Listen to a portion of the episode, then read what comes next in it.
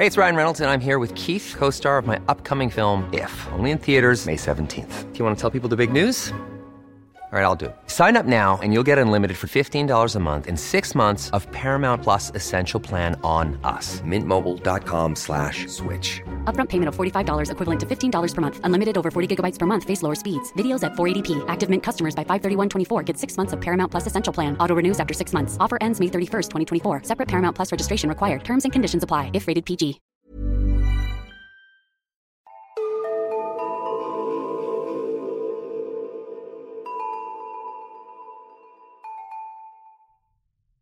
Hej och välkomna till Nära ögat, en true crime-podd för mesar. Mitt namn är Alexandra Kentsdottir. Och jag heter Amelia Ingman. Och välkomna till avsnitt 55. Vilket också kommer bli vårt näst sista avsnitt den här säsongen. Ja, nästa veckas avsnitt är vårt sista innan vårt sommaruppehåll.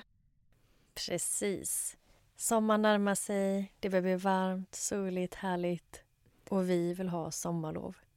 Ja, och ni som har följt oss ett tag, ni vet att vi gör det här helt vid sidan av våra vanliga heltidsjobb.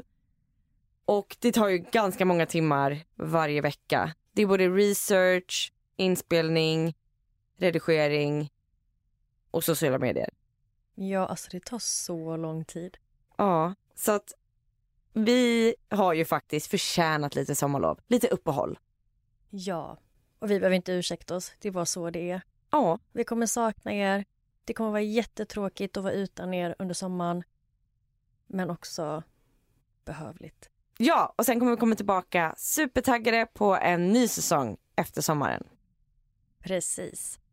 Men innan det är dags att säga hej då för den här säsongen så kommer det komma ett avsnitt till nästa vecka. Vi ville bara förvarna. Mm. Ja, vad säger du, Assa? Vill du köra igång idag? Mm, absolut. Idag ska jag berätta om Lisa McVeigh Noland. Och detta är ett tips från en av våra mesar. Så stort tack David. Mina källor idag är filmen Believe Me, The Abduction of Lisa McVeigh. Ett inslag från Fox 13 och ett avsnitt av I Escaped My Killer samt artiklar från allthat'sinteresting.com, Fox News, Murderpedia och Wikipedia. Och jag vill varna redan nu. För den här historien innehåller mord, självmordstankar och sexuellt våld. Så bara hoppa över det här avsnittet. Mm. Vi hörs igen nästa vecka. Det är en väldigt fin, inspirerande historia under allt det här. Okej, vi får se.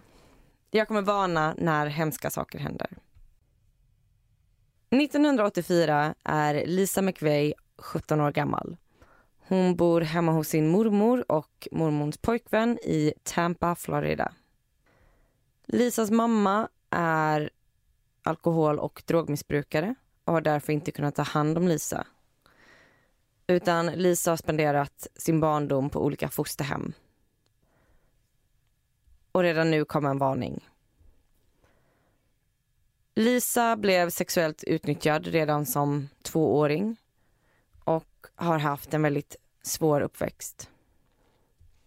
När Lisa var runt 13-14 år så tvingade hennes mamma henne att flytta in till mormon och mormons pojkvän då mormon behövde hjälp hemma. Och då började också mormons pojkvän att våldta Lisa och han gjorde det många gånger under pistolhot. Och detta pågick i flera år. Och det verkar inte som om varken mamman eller mormon brydde sig särskilt mycket om Lisas välmående. Fy vad hemskt. Mm.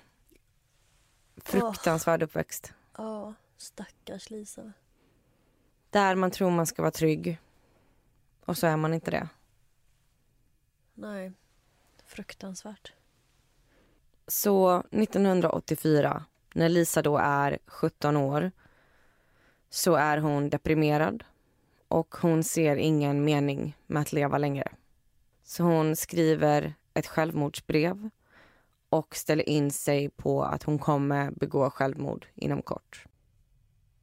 3 november 1984, runt två på natten, så avslutar Lisa sitt skift på en donutbutik. En av hennes kollegor erbjuder henne skjuts men hon har sin cykel så hon tackar nej och Lisa cyklar hem. Och att cykla hem i mörkret mitt i natten var ganska läskigt. Speciellt då det under den här tiden finns en seriemördare lös i Tampa-området. Och när Lisa cyklar förbi en kyrka så reagerar hon på att det står en bil mitt på parkeringen. Och innan hon hinner tänka så mycket mer på det så dyker en man upp bakom henne och drar av henne från cykeln. Hon blir såklart livrädd och skriker allt vad hon orkar. Mannen trycker då en pistol mot hennes huvud och skriker att hon ska vara tyst för annars skjuter han skallen av henne.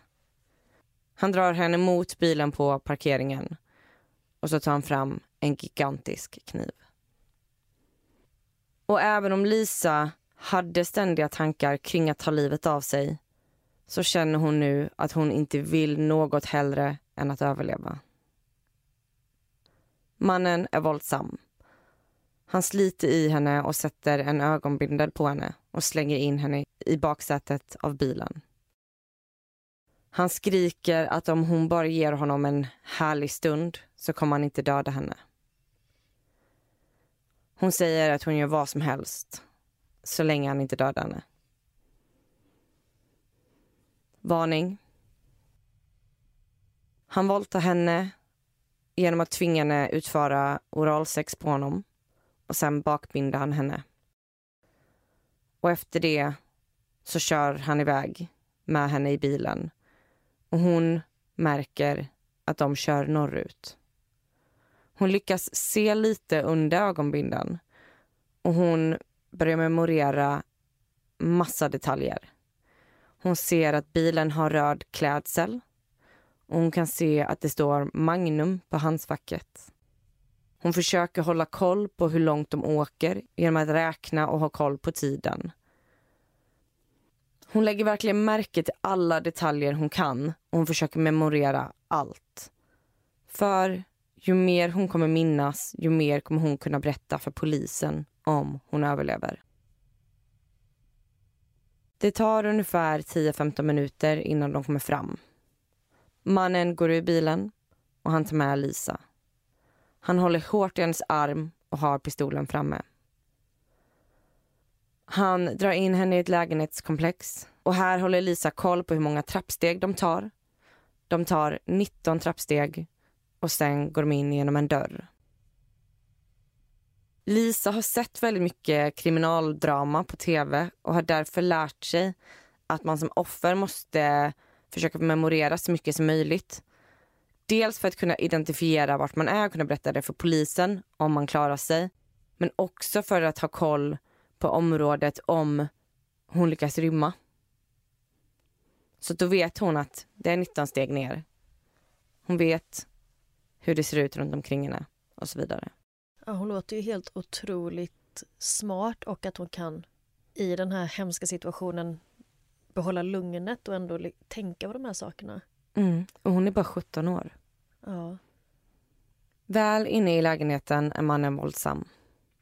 Han tar med henne in i duschen, tar av henne kläderna, tar av ögonbinden men tvingar henne att blunda. Han tvingar in henne i duschen, han tvättar av henne och han är till en början ganska öm och försiktig som om de vore ett par. Och Det här gör Lisa väldigt förvirrad och hon förstår liksom inte riktigt. Och Hon frågar varför han har tagit henne, varför han har gjort så här.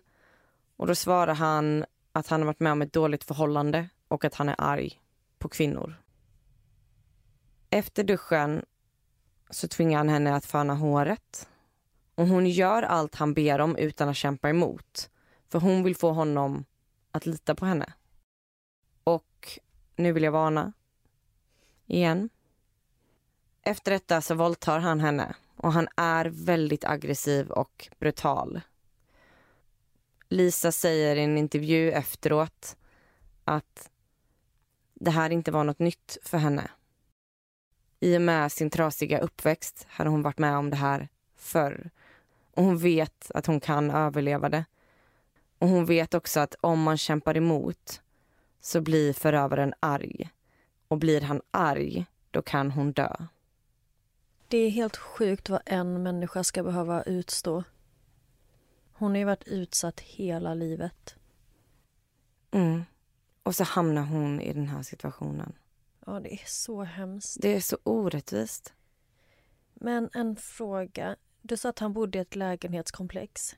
Var det ingen granne eller något som märkte när han släpade in den här unga tjejen med ögonbindel? Nej, alltså det här var ju mitt i natten. Jag är inte helt säker på hur många det var som bodde runt omkring eller vad det var för område. Men det var en lägenhet. Men vad jag vet så har ingen märkt någonting.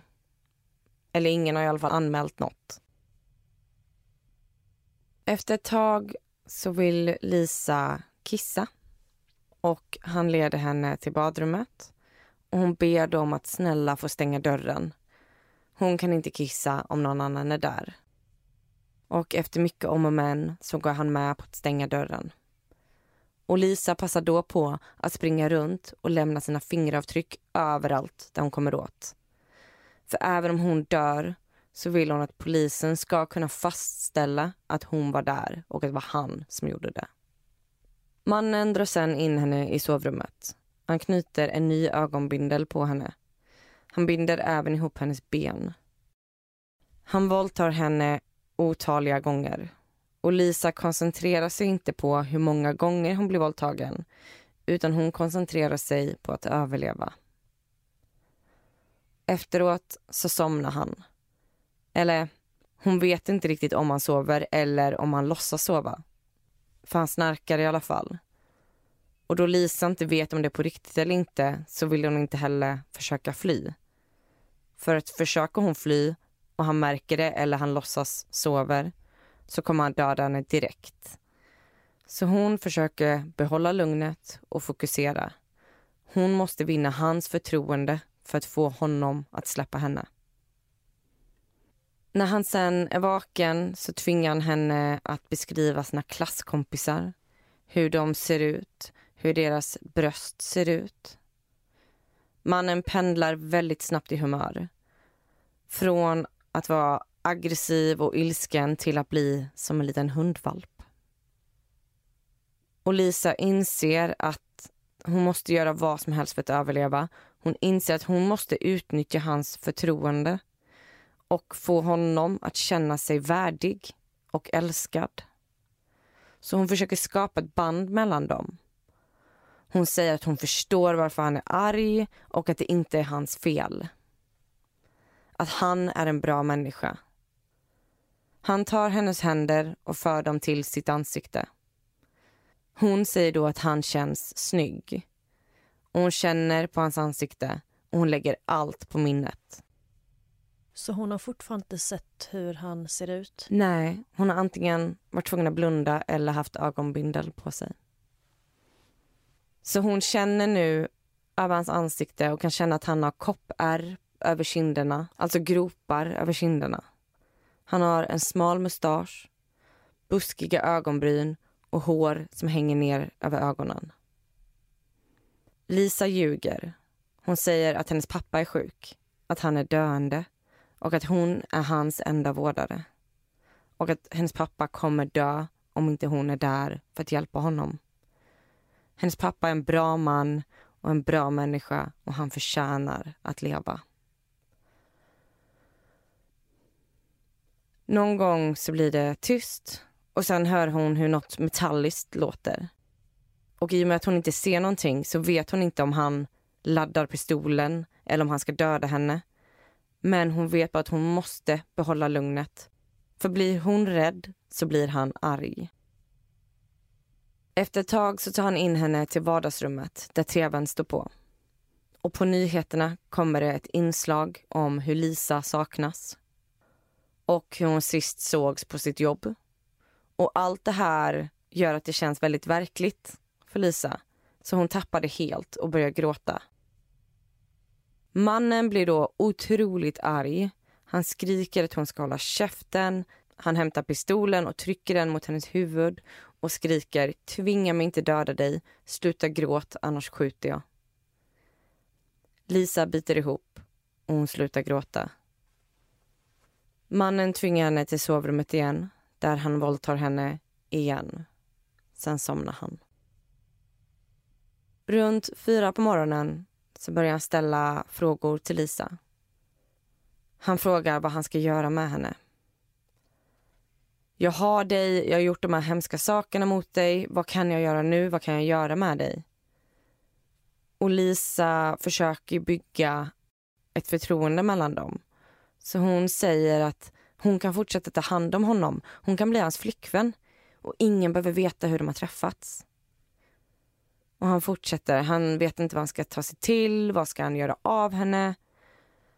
Och sen säger han att hon kan ta på sig sina kläder. Och de går ut till bilen och kör iväg. Lisa är helt säker på att han kommer döda henne och han kommer dumpa kroppen någonstans. Och de kör ett tag. Sen stannar han bilen och så säger han förlåt till henne. Förlåt för att du behövde gå igenom allt det här. Han öppnar dörren, drar ut henne och säger att hon måste behålla ögonbinden på i fem minuter. Och till sist så säger han Hälsa din pappa att det är tack vare honom du lever. Mannen vänder tillbaka, hoppar in i bilen och kör iväg. Lisa slänger direkt av sig ögonbinden. Hon är chockad. Hon förstår inte att hon lever. Men hon förstår att han kan ångra sig och komma tillbaka vilken sekund som helst. Så hon springer allt vad hon orkar. Hon springer hela vägen hem till sin mormors hus. Aldrig tidigare har det känts så skönt att komma hem.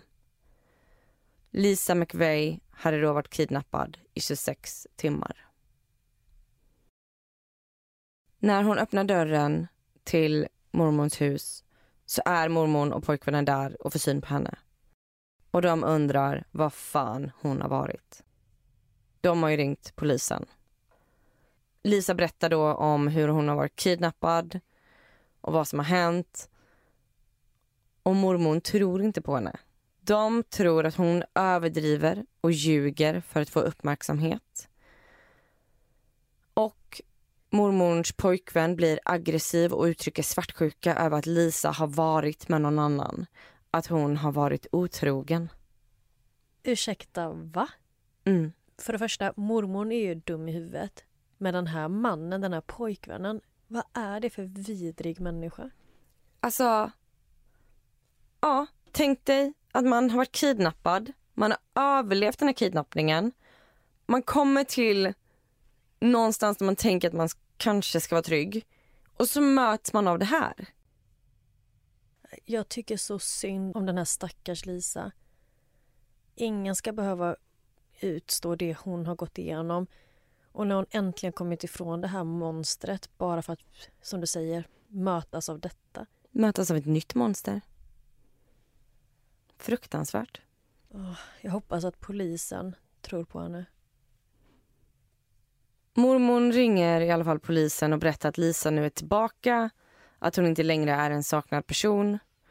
Och mormon säger till och med till polisen att Lisa har hittat på att hon har blivit kidnappad. Oh, jag blir så trött på henne. Men polisen säger att de måste prata med Lisa i och med att hon är under 18 och att Lisa måste in till polisstationen. Väl på polisstationen så är det många som ifrågasätter Lisas historia. Men en polis, kommissarie Larry Pinkerton, tar henne på allvar. Han blir väldigt imponerad över hennes detaljrika minnesbilder och hur hon har hanterat den här situationen. Och Lisa berättar så mycket som hon minns. Men de försöker fortfarande komma åt vissa detaljer som Lisa har glömt eller som hon kan ha förträngt och vill därför att hon ska genomgå hypnos. Men i och med att hon är under 18 så måste de ha målsmans godkännande och ringer då hem till mormon. Och det är pojkvännen som svarar Och han säger att de inte får tillstånd till det och att de borde skicka hem henne. Och då bestämmer sig Lisa för att berätta om alla år av våldtäkt som mormors pojkvän utsatt henne för. Och han arresteras. Men baserat på allt hon har berättat, bland annat om inredningen i bilen etc. så börjar polisen nu misstänka att mannen som tog Lisa kan vara den seriemördare som har härjat runt i Tampa på den senaste tiden. På flera av hans mordoffer så har polisen hittat röda fibrer. Exakt likadana fibrer hittades även på Lisas kläder och de kom ifrån bilens röda inredning. Och tack vare Lisa har polisen nu mycket mer att gå på. Lisa berättar exempelvis om bilen i detalj och polisen fastslår nu att det handlar om en Dodge Magnum. Och hon berättar även om ungefär vart mannen stannade och tog ut pengar. För hon hade tittat ut precis då och sett vilket område de var i. Polisen kunde då börja gå igenom övervakningskameror och hitta vilken bank det var som han hade tagit ut pengar vid. Och de misstänker nu att mannen de letar efter är Bobby Joe Long. Och det dröjer nu bara några dagar innan polisen får syn på hans bil på en gata. De stannar honom och ljuger ihop en historia kring att en liknande bil har använts vid ett rån och att de måste nu utesluta att det inte är hans bil. Så de ber om att få ta en polaroidbild på honom och bilen. Och sen tar de den här bilden och ber Lisa identifiera vem det var som kidnappade henne. Polisen ger henne då bilder på ett antal olika män. Men Lisa förstår direkt vem kidnapparen är. Även om hon inte sett honom med sina egna ögon så har hon känt hur hans ansikte ser ut. Och hon vet att det är Bobby Joe Long som är kidnapparen. Jag är så imponerad av henne. Hon är iskall. Iskall, så smart, så stark. Mm. Otroligt cool människa. 17 år gammal. Go Lisa. Mm. Och nu tänkte jag berätta väldigt kort om Bobby Joe Long eller Robert Joseph Long. Och jag kan ju bara sätta en stor varning på hela det här stycket. Bobby Joe Long föddes 1953 i West Virginia. Han blev mobbad som barn då han föddes med en extra X-kromosom vilket gjorde att han hade väldigt mycket östrogen i kroppen. Och Detta leder ju då till att han får en hel del kvinnliga drag. Exempelvis bröst. Så han genomgår en bröstreduktion för att åtgärda det här. Det finns flera uppgifter om att han hade ett dysfunktionellt förhållande med sin mamma och att han sov i hennes säng till väldigt sent i tonåren. Och att han hatade alla sin mammas pojkvänner. Det verkar ha funnits någon slags svartsjuka där. Bobby gifte sig med sin flickvän från high school 1974 och fick två barn med henne. Paret skiljer sig 1980 och 1981 började han våldta kvinnor. Bobby utförde minst 50 våldtäkter, vad man vet. Och i mars 1984 så eskalerade hans dåd. Han mördade då sitt första offer, nämligen 20-åriga Artis Ann Wick. Och följande åtta månader så kidnappade han, våldtog och mördade minst tio kvinnor till. Tio kvinnor på åtta månader? Mm. Det var bara under 1984 som han höll på. Va? Mm. Så det var ju flera kvinnor i månaden. Vissa månader var det tre kvinnor. Vad hände? Eller varför gjorde han detta? Det verkar som att han hade ett extremt stort kvinnoförakt och kvinnohat. Och det här var ju också under 80-talet i USA. Det känns som att det fanns så sjukt mycket seriemördare under 70 80-talet. Ja, helt otroligt mycket. Ja. Och jag kommer inte gå in på några detaljer kring hans mord och sånt. Men det finns ju såklart att läsa om på internet. Eh, men de här överfallen var i alla fall otroligt, otroligt brutala. Och två av de här kvinnorna mördade han efter han hade släppt Lisa McVeigh. Han släppte Lisa 3 november. Sen mördade han en 18-årig kvinna 6 november och sen ytterligare en 21-årig kvinna 11 november. 16 november arresterar polisen Bobby.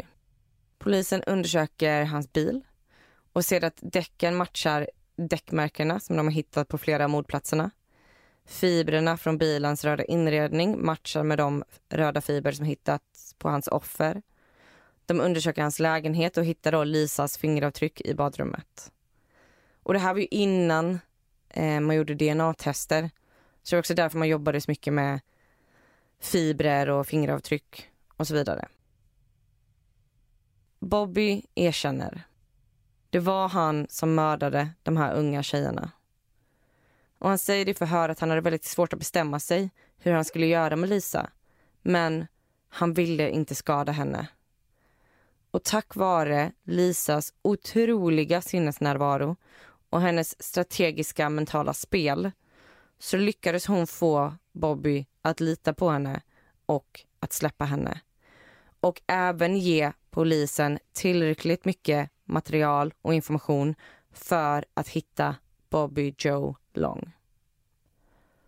Bobby erkänner våldtäkt och kidnappning av Lisa. Han erkänner åtta mord och han fälls för ytterligare ett mord. Han får fyra 99-årsdomar, 28 livstidsdomar och ett dödsstraff. 23 maj 2019 så avrättades Bobby Joe Long. Och Lisa var där för att se det hända. Lisa tror att en anledning till varför hon är vid liv idag är just för att hon hade en så otroligt hemsk uppväxt. Hon var tillräckligt härdad för att kunna hantera en sån här situation. Den här otroligt mörka, hemska upplevelsen förde ändå med sig något gott. För Lisa fick tillbaka viljan att leva. 2005 så tog Lisa polisexamen. Och hon fick jobb på samma avdelning som hittade och arresterade hennes förövare. Kommissarie Larry Pinkerton blev en väldigt viktig mentor för Lisa och de har än idag en väldigt bra relation. Hon specialiserade sig mot sexualbrott och att jobba med barn som får illa. Och med hennes uppväxt och hennes förflutna så vet ju hon vad hon pratar om. Hon kan även knyta an och förstå offer på ett helt annat plan än vad många andra kan. Och idag arbetar Lisa även på skolor där hon berättar om sitt förflutna, det hon varit med om och hur man kan hantera sådana situationer. Och det var allt jag hade om den otroliga Lisa McVeigh Noland. Herregud, vilket fall alltså. Så fruktansvärt. Alltså det här var så hemskt att lyssna på. Men också så imponerande. Och som du sa, hade hon inte haft den här fruktansvärda uppväxten så hade det kanske slutat på ett annat sätt. Ja, det var som att Lisa var så otroligt deprimerad och mådde så otroligt dåligt innan den här upplevelsen att Eh, hon ville ju ta livet av sig. Men det var som när hon kom till den mörkaste punkten som en människa kan komma till. Så var det som att hon kände, nej, jag vill överleva. Jag vill vara vid liv. Och det sjuka är att det här vände liksom hela hennes liv. Det här fick, på något sjukt sätt så fick hon liksom viljan att leva. Viljan att överleva var så stark. Ja, som du säger, det kom verkligen från den mörkaste, hemskaste situationen. Men också vilken tur att det kom. Mm. Och att hon lyckades vända sitt liv på det här sättet och bli polis och jobba med att hjälpa andra utsatta barn, det är ju jättefint. Mm. Efteråt så jobbade hon på någon myndighet om jag förstod det rätt. Och så hade de ett inbrott där. Och när polisen kom dit så var det en polis som sa till henne du verkar vara liksom ja, polismaterial. Har aldrig funderat på att bli polis. Och det var då hon bestämde sig för att börja plugga och bli polis. Hon hade ju då Larry Pinkerton som mentor och som hjälpte henne ta sig igenom det. Mm, häftigt. Men också tänk så många personer som Lisa kan ha räddat livet på. Mm. Genom att hon lyckades hjälpa polisen att gripa den här mördaren. Han hade inte tänkt sluta. Alltså han mördade upp till tre kvinnor i månaden. Och det var brutala, brutala överfall. Och det bara eskalerade. Och han var också så här, han kunde lämna lite saker på mordplatserna som ett hån nästan mot polisen. Att de inte tog honom. Och han bytte hela tiden tillvägagångssätt. Så det var väldigt, väldigt svårt för polisen att ta honom. Så att om det inte vore för Lisa så hade det här absolut fortsatt ett bra tag till. Nej, så sjuk berättelse. Ja. Och det finns ju den här filmen som jag berättade om i början. Believe me, the abduction of Lisa McVeigh. Som beskriver ganska bra, ganska realistiskt hur allting hände.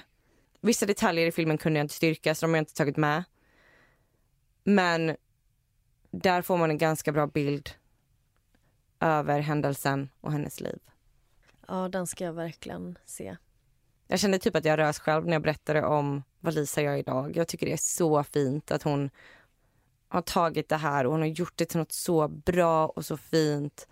Och att hon hjälper andra, speciellt barn och personer som är med om sexuella övergrepp. Ja, verkligen. Tack så jättemycket för det här fallet, Assa. Och bra att du varnade i början, för det här var grovt. Mm. Och jag vill ju då tacka David en extra gång som skickade in det här tipset. Tack. Tack så mycket, David. Nu går vi över till Ryan Reynolds here from Mint Mobile. With the price of just about everything going up during inflation, we thought we'd bring our prices down. So to help us, we brought in a reverse auctioneer, which is apparently a thing. Mint Mobile unlimited premium wireless. Ready to get 30, 30, bit to get 30, bit to get 20, 20, 20, bit to get 20, 20, bit to get 15, 15, 15, 15 just 15 bucks a month. So, Give it a try at mintmobile.com slash switch.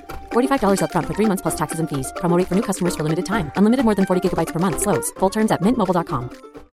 If you're looking for plump lips that last, you need to know about Juvederm lip fillers. With Juvederm Volbella XC and Juvederm Ultra XC, your lip look, whether it's subtle or bold, can last up to one full year with optimal treatment and no additional maintenance. Find a licensed specialist and see if it's right for you at juvederm.com today. That's J U V E D E R M.com. Add fullness to lips in adults over 21 with Juvederm Volbella XC or Juvederm Ultra XC. Do not use if you have severe allergies or a history of severe allergic reactions, or if you're allergic to lidocaine or the proteins used in Juvederm. Tell your doctor if you have a history of scarring or taking medicines that decrease the body's immune response or that can prolong bleeding. Common side effects include injection site redness, swelling, pain, tenderness, firmness, lumps, bumps, bruising, discoloration, or itching. As with all fillers, there's a rare risk of unintentional injection into a blood vessel, which can cause vision abnormalities, blindness, stroke, temporary scabs, or scarring. For full important safety information, visit juvederm.com.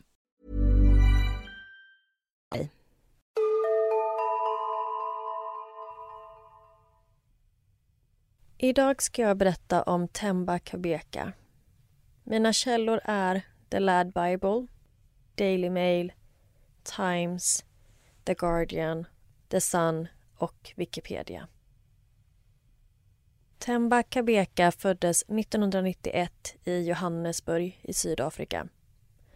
Han kände aldrig sin pappa och blev övergiven av sin mamma när han endast var tre månader gammal. Han växte upp tillsammans med sin kusin som adopterade Temba när han var ett litet barn. Men tyvärr så gick kusinen, eller då adoptivmamman, bort när Temba var 15 år gammal. Vilket vände upp och ner på hela hans liv. Han var tvungen att hoppa av skolan eftersom han inte kunde betala avgifterna och det slutar med att han blir hemlös. Han hade det väldigt tufft när kusinen dog och han tänkte att det här skulle bli slutet för honom. Varje dag så är han tvungen att hitta en ny plats att sova på och han visste aldrig var eller när han skulle få sitt nästa mål mat. Temba säger att det är fruktansvärt att vara hemlös och bo på gatan.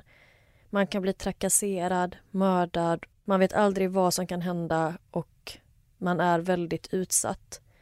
Det finns ingen där som vaktar dig. Han är tvungen att tigga om mat och pengar. Han letar efter mat i soptunnor och han sover bland skräp.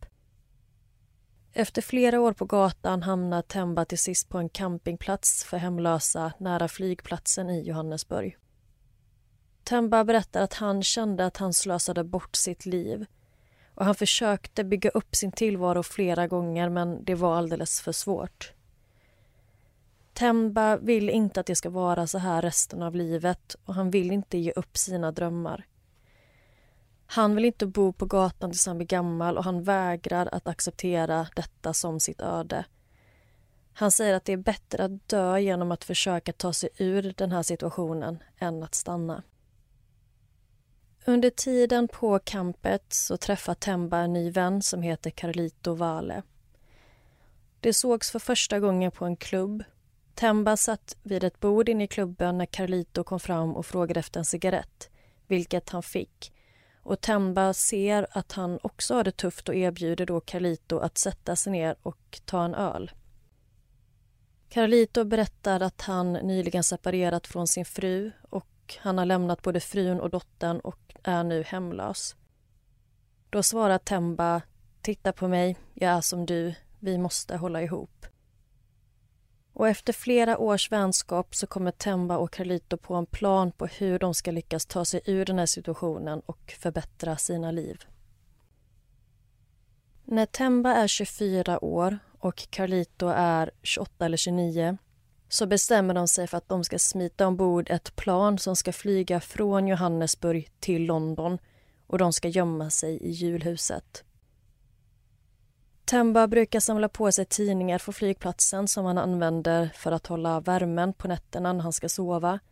Och på kvällarna så brukar han läsa de här tidningarna och det var genom flygplanstidningarna som den här idén föddes.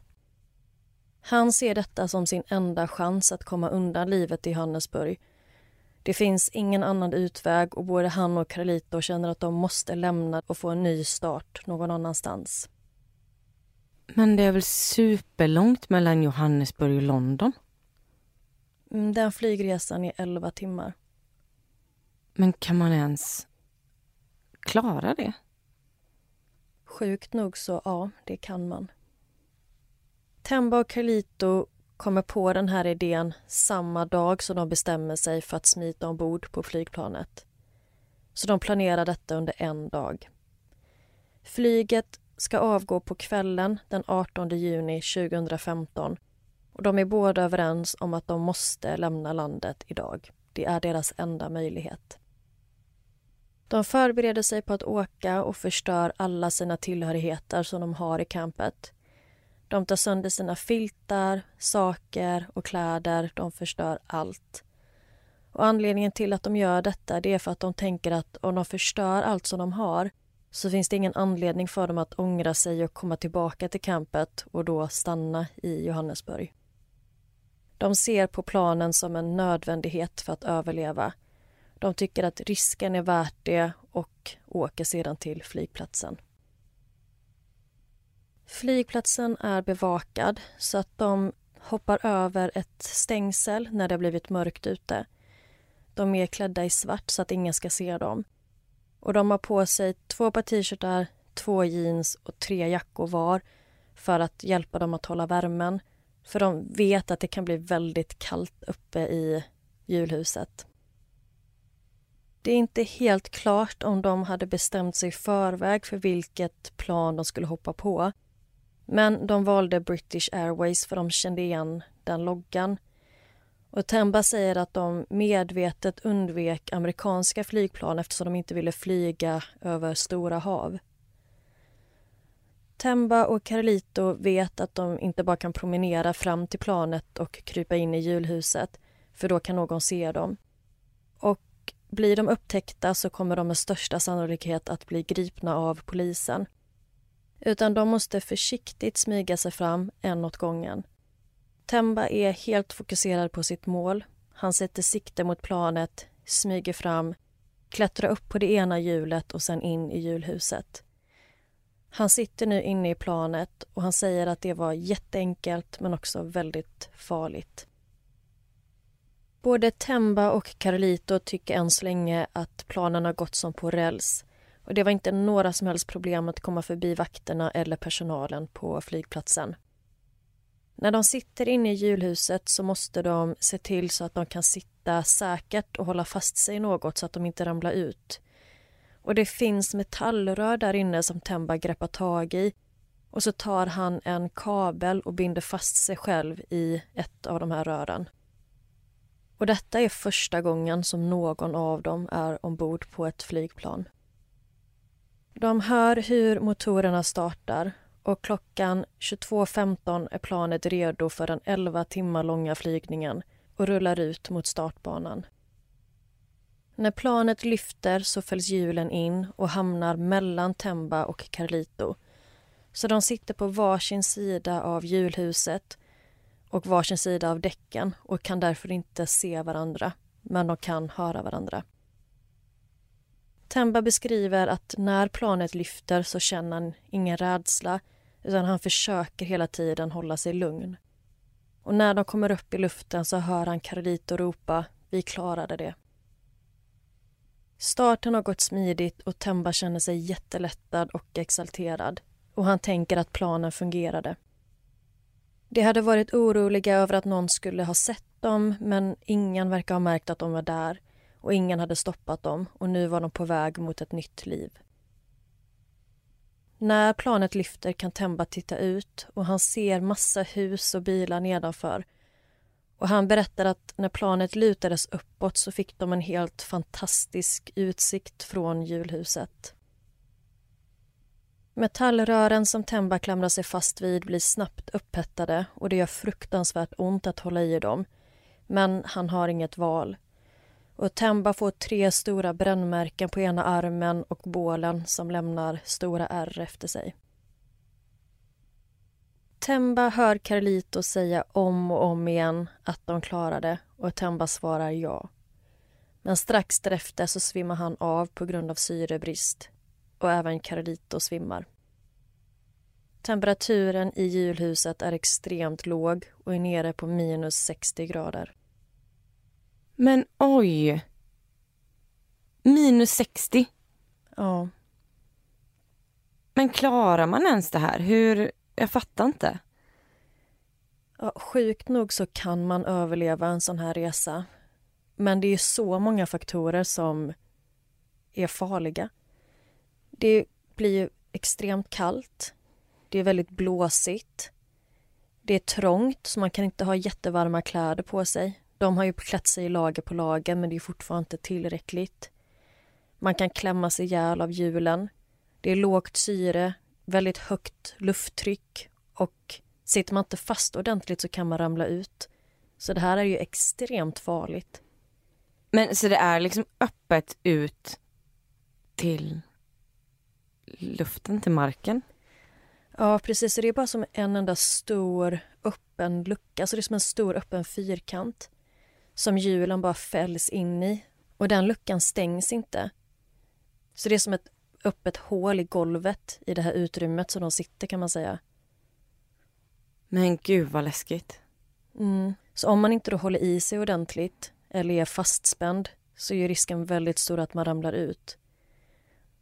Och i och med att det är sådana tuffa omständigheter så är också risken väldigt stor att man svimmar vilket händer både Carlito och Temba.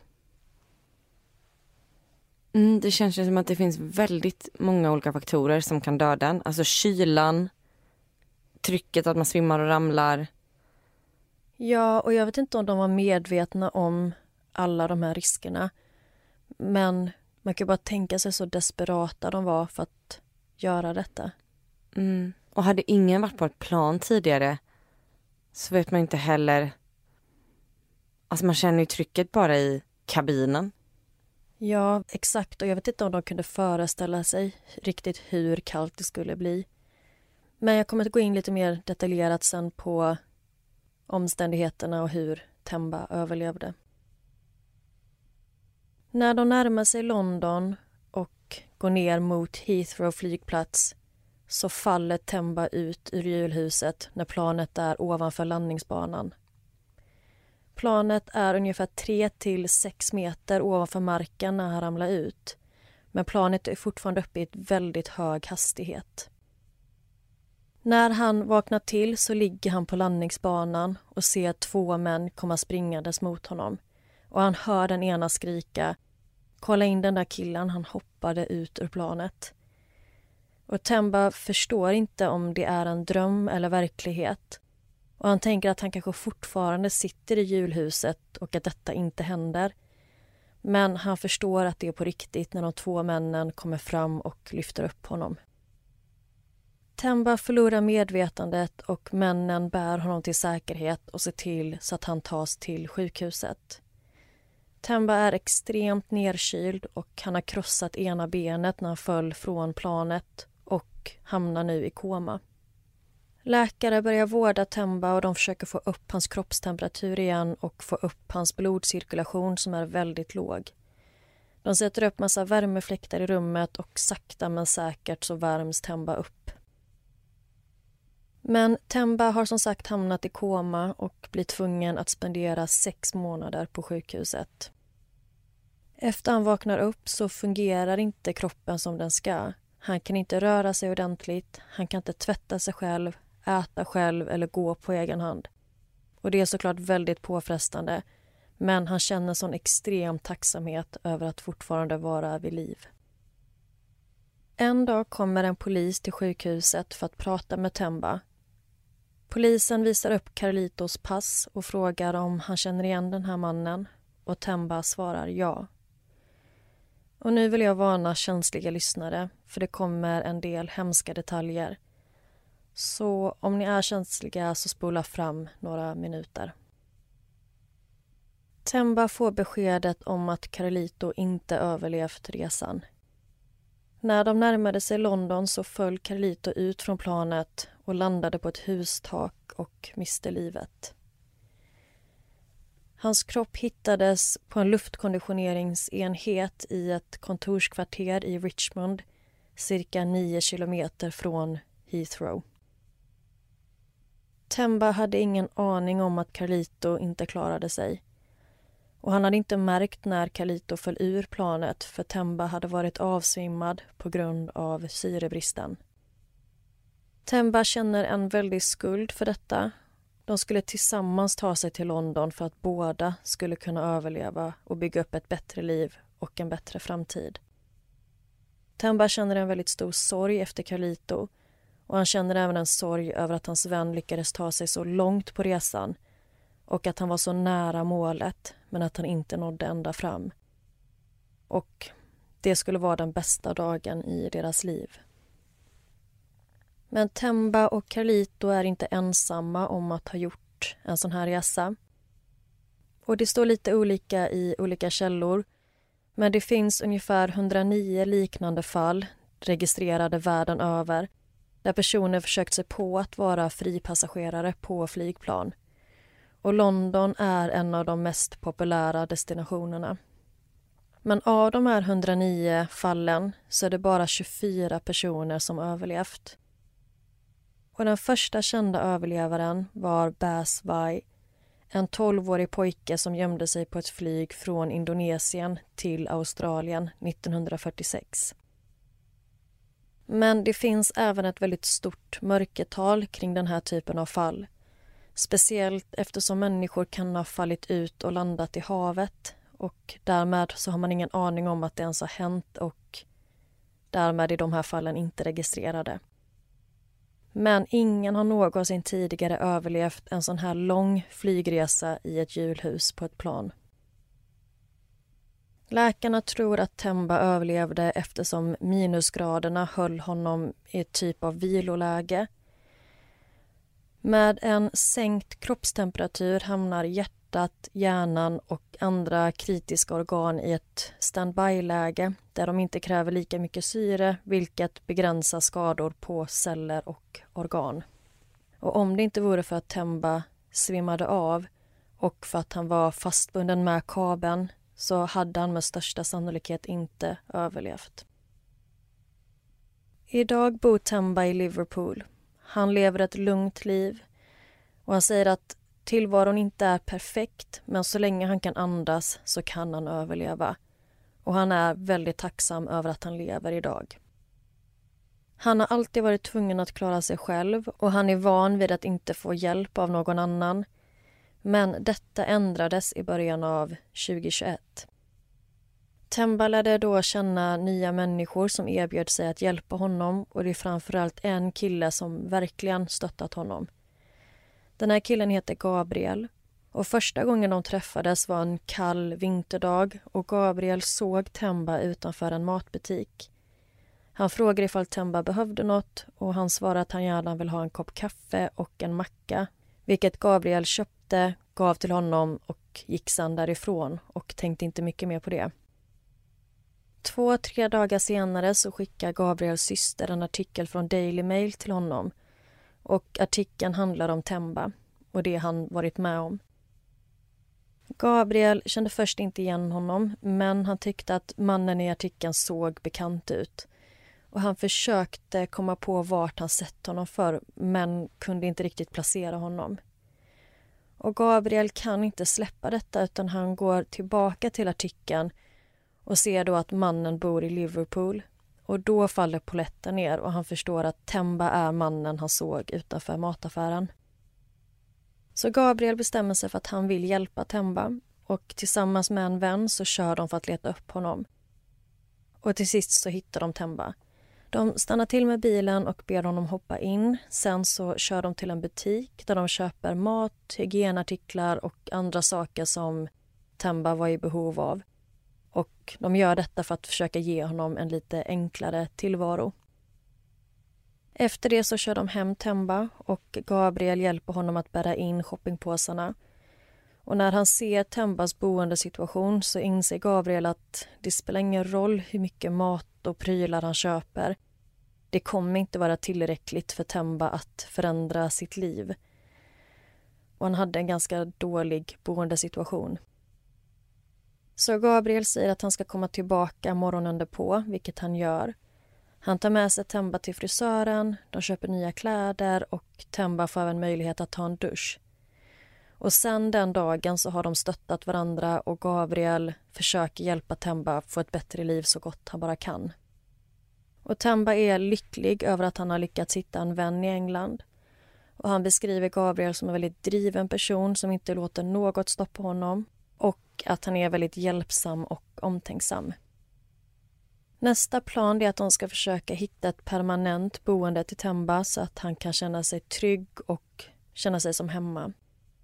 Där han har möjlighet att starta sin dag på bästa tänkbara sätt och även få tillgång till en egen dusch.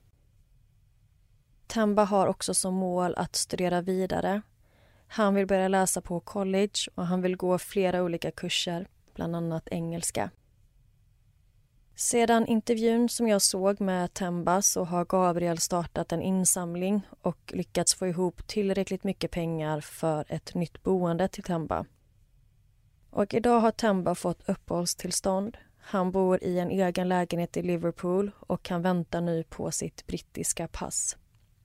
Och trots sin väns död och sina egna skador så säger Temba att hans beslut att riskera sitt liv för att starta ett nytt England var värt det.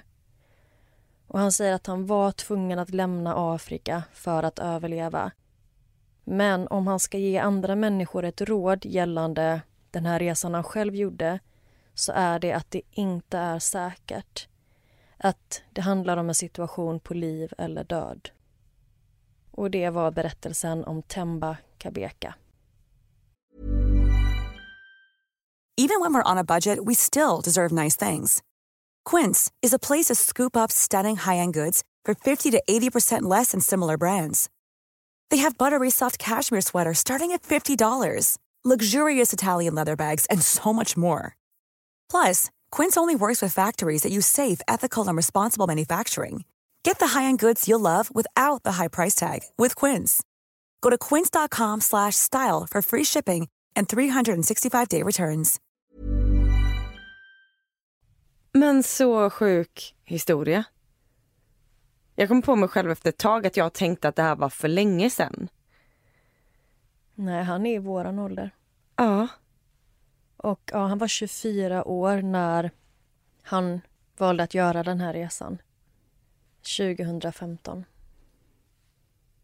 Ja, för att sen när du berättade om att han satt utanför någon butik i Liverpool så tänkte jag, jag tänkte på en äldre man. Och sen så insåg jag, nej men vänta, han är ju som oss. Ja. Och det gör det hela typ sjukare. Ja men det känns som en sån här grej kunde man komma undan med att göra på så här, som du sa innan, den här första gången var ju på 40-talet, 50, 60, 70, 80 men nu så är det ju, alltså säkerheten är ju så stor på flygplatser.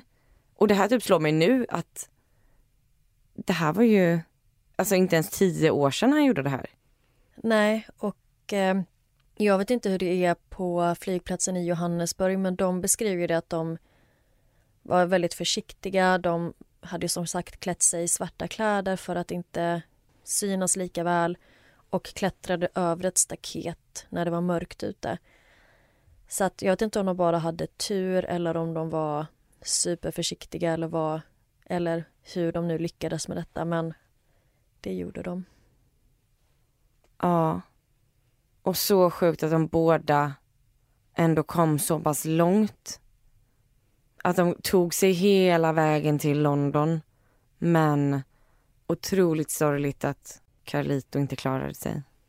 Ja, jag vet. Och det är alltid så lite jobbigt att ta upp fall där inte alla personer överlever. Och speciellt som Temba sa att han var så nära sitt mål. Men det man kan säga är att Carlito med största sannolikhet var medvetslös när han föll ut. Och att det var då när hjulen vecklades ut som han föll ur den här luckan.